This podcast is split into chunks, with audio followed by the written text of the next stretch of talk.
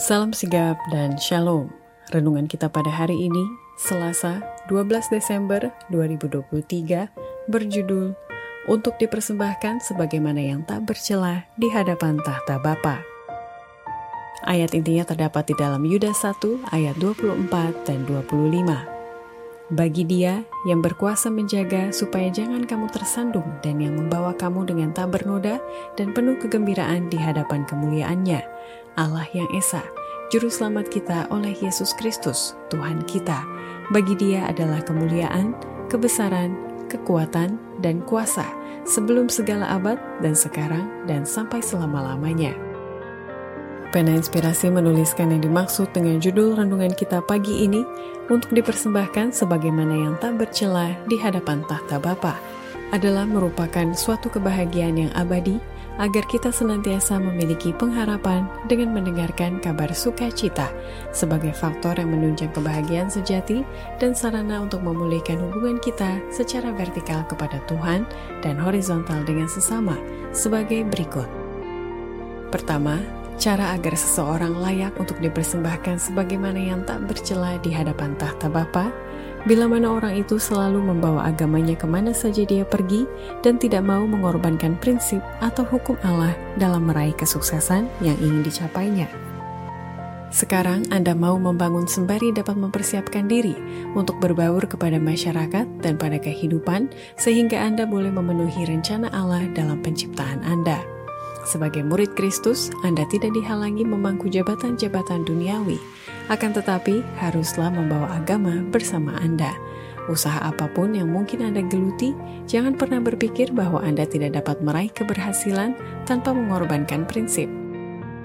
Kedua, cara agar seseorang layak untuk dipersembahkan sebagaimana yang tak bercela di hadapan tahta Bapa bila mana orang itu meneladani Yohanes yang selalu mempraktikkan kesucian hati dan tak bercela dalam tindakan seperti Kristus. Yohanes adalah seorang guru yang mempraktikkan kesucian. Ia menyatakan aturan yang tepat bagi tingkah laku orang-orang Kristen.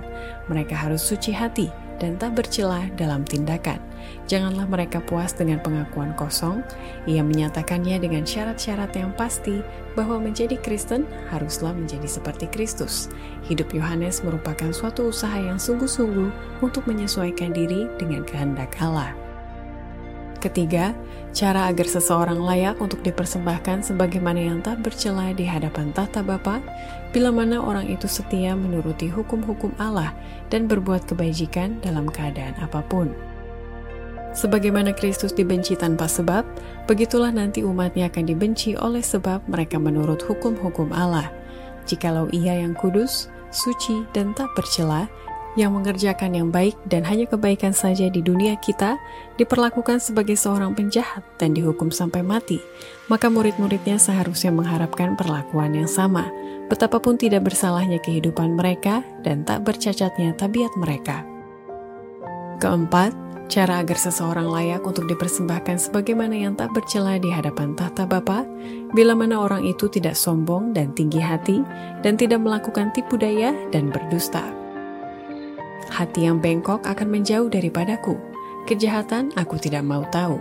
Orang yang sembunyi-sembunyi mengumpat temannya, dia akan kubinasakan. Orang yang sombong dan tinggi hati, aku tidak suka.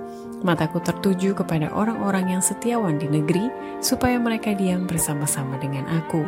Orang yang hidup dengan cara yang tak bercela akan melayani aku.